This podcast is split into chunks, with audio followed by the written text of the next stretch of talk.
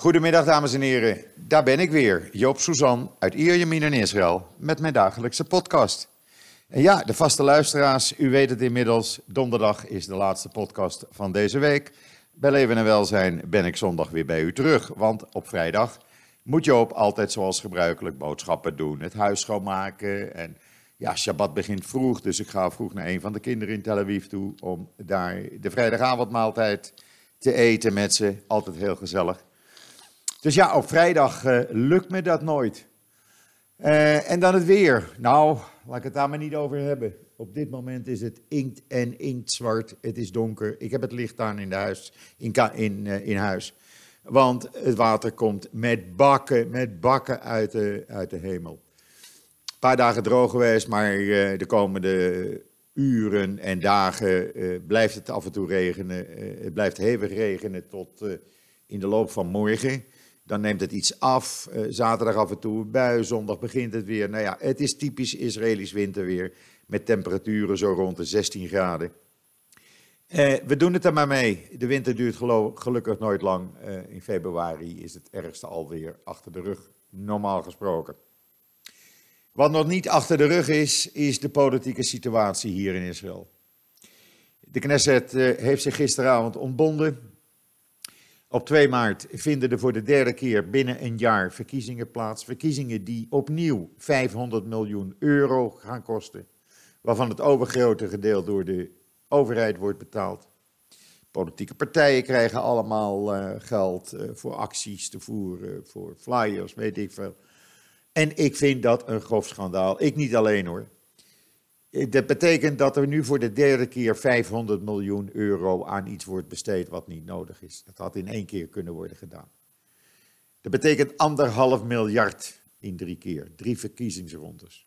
Terwijl de ziekenhuizen overvol zijn, mensen in de gangen liggen, mensen niet behandeld kunnen worden omdat er geen plaats is. En naar ziekenhuizen eh, van Jeruzalem naar ergens in de Negev, eh, naar Beersheba worden gestuurd, of van Haifa naar Tel Aviv terwijl het infrastructuur moet worden aangepakt, terwijl het openbaar vervoer moet worden verbeterd.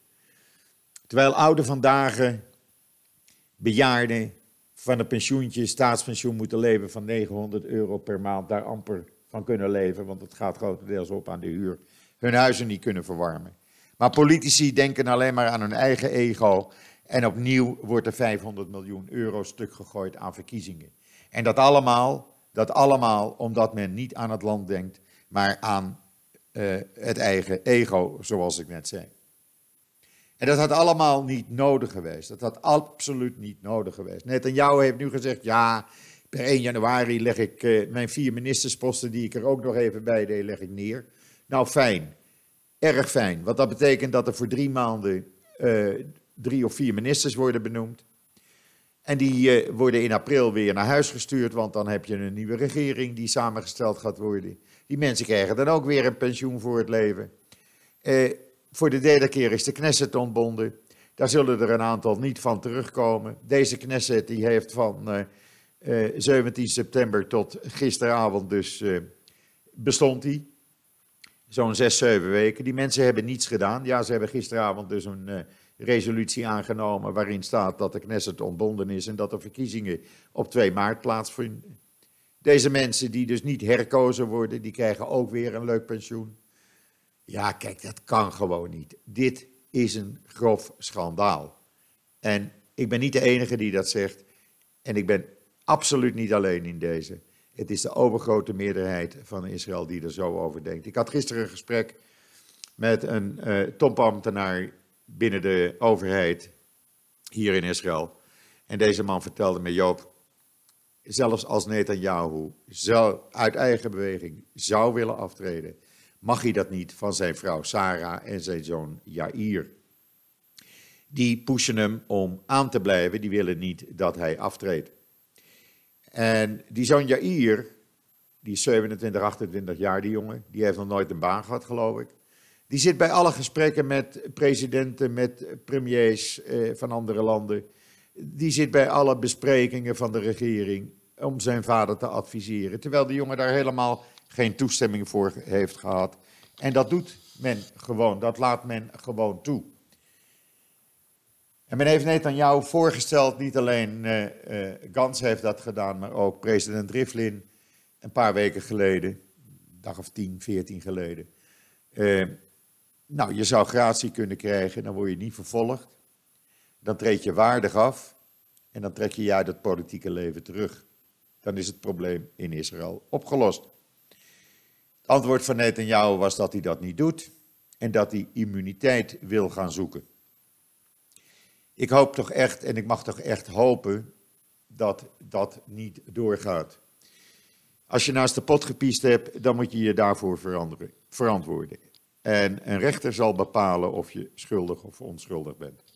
En als jij immuniteit wil aanvragen, dan geef je al min of meer toe dat je dus schuldig bent. Want anders hoef je dat niet. Als je zo zeker bent van het feit dat je helemaal niets buiten de wet om hebt, gedaan, dan hoef je geen immuniteit aan te vragen. En Gans heeft gisteren nog tegen Netanyahu gezegd: uh, treed nu af, dan komt er een ander binnen de, vanuit de Likud, dan hebben we een regering. Netanyahu weigerde het. Gideon Saar, zijn uitdager binnen de Likud, wilde afgelopen zondag eh, dat er verkiezingen voor partijleider plaatsvonden. Netanyahu heeft dat verschoven naar 26 december. Inmiddels is bekend geworden dat een van de getrouwen van Netanyahu, David Bitan, alles in het werk stelt om ook die partijverkiezing op de 26 december niet door te laten gaan. Omdat deze man bang is zijn baantje als vertrouweling van Netanyahu kwijt te raken, terwijl hij zelf ook binnenkort zich voor de rechter moet verantwoorden, omdat eh, er bewijs schijnt te zijn dat hij, eh, eh, hij is al aangeklaagd, dat hij eh, als lokale burgemeester van Rishon LeZion jaren geleden ook corrupt is geweest. En zo wordt er alleen maar aan eigen belang gedacht, in plaats van aan het belang van het o zo mooie land Israël. Er moet van alles gebeuren hier. Er is een begrotingstekort wat op 3,8% ligt. De openbaar vervoer moet aangepakt worden. Infrastructuur is een zootje. Eh, ik had het al over de mensen met pensioen. Ik had het al over de mensen in de ziekenhuizen die in de gangen liggen. Ja, ik heb het zelf gezien. En het is niet zomaar een verhaal. En dat kan niet. Dat kan niet in een modern land als Israël. De zakenwereld heeft Netanyahu per brief gevraagd: alsjeblieft, treed af, want het aanzien van Israël in de wereld gaat kapot. Hij doet het niet. Uh, high-tech mensen, die dus grote high-tech bedrijven bezitten, hebben Netanyahu gevraagd: alsjeblieft, treed af. Laat een ander de taak overnemen. Want wij kunnen op deze manier geen zekerheid bieden aan onze klanten. Hij doet het niet. En het betekent dat Israël nu op 2 maart naar de stembus gaat. En ik hoop één ding, en met mij een royale meerderheid van Israël. Want als ik alleen al kijk hier in het appartementengebouw waar ik woon, ik heb nog nooit iemand iets anders horen zeggen. Iedereen zegt, eh, wij gaan eh, de Likud afstraffen. Ik hoop dat dat gebeurt, want dit kan gewoon niet. Je kan geen land, ja, laten we maar zeggen, gijzelen, omdat je zelf eh, drie aanklachten aan je broek hebt en wil proberen daar via immuniteit onderuit te komen. Dat kan gewoon niet. Dat zou niet eens toegestaan moeten worden. Uh, al die Knesset-members, al die Knesset-leden die dus al die weken niets hebben gedaan, die gaan dus weer naar huis. Die krijgen gewoon doorbetaald. Dat kost klauwen met geld en de belastingbetaler betaalt. Ja, ik vind dit een schandaal en ik kan daar niet over uit. Ik ben daar eigenlijk zo kwaad over. Ik vind dat iets, iets abnormaals. Ik vind dat echt niet normaal. Uh, er zijn goedwillende mensen, maar die krijgen geen kans. Ja, uh, het is niet anders. We moeten wachten tot 2 maart voordat we weten welke kant het op gaat. Betekent wel dat er geen enkele beslissing kan worden genomen, al sinds december 2018.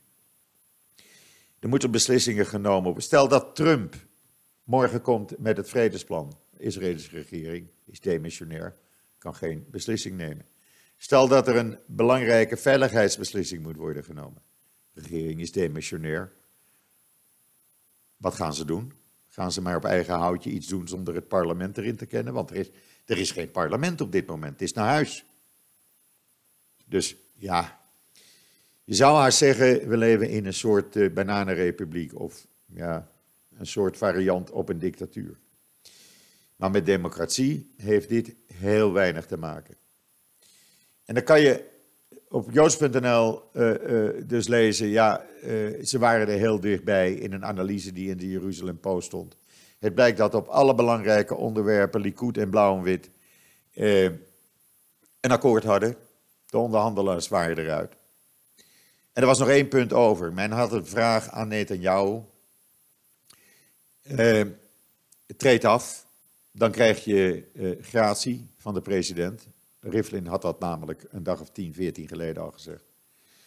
En dan ga je waardig uh, de politiek uit. Nou, Netanyahu weigerde dat.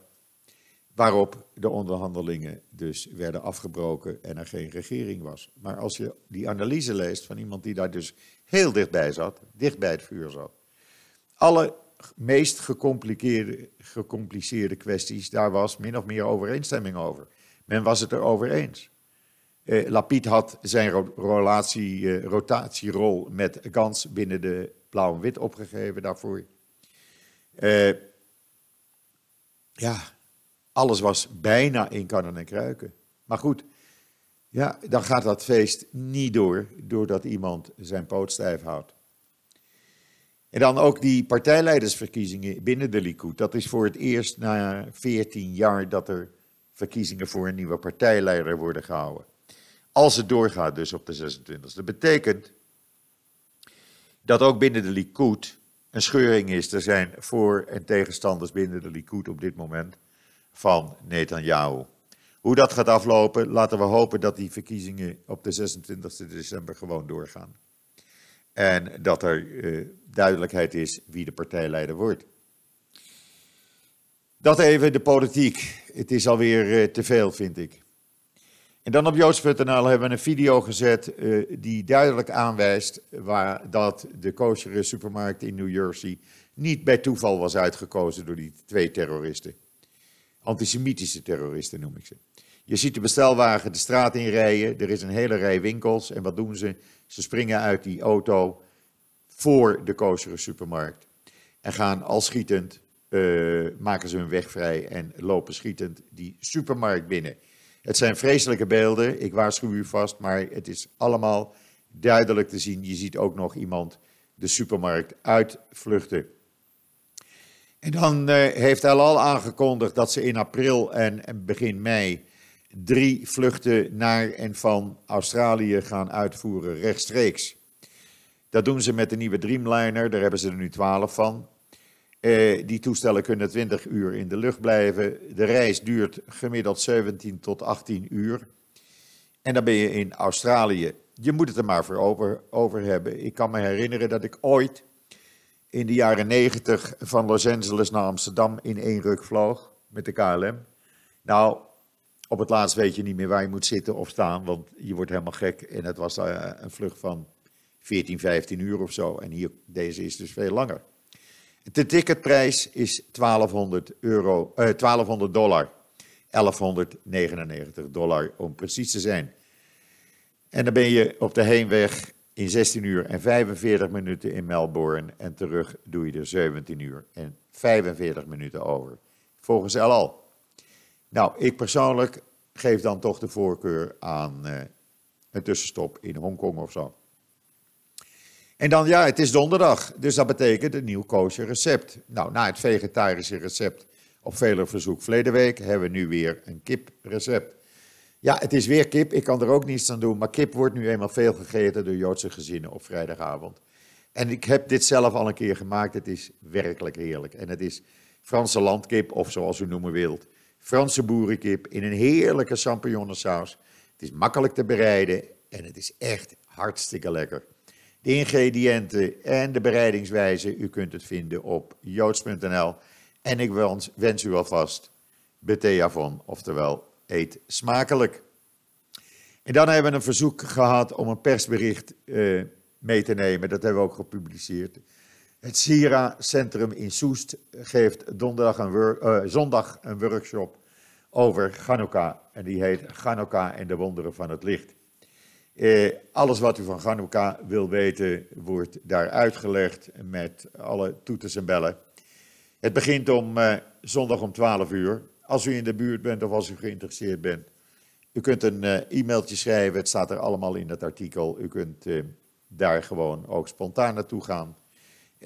12 uur zondag in Soest.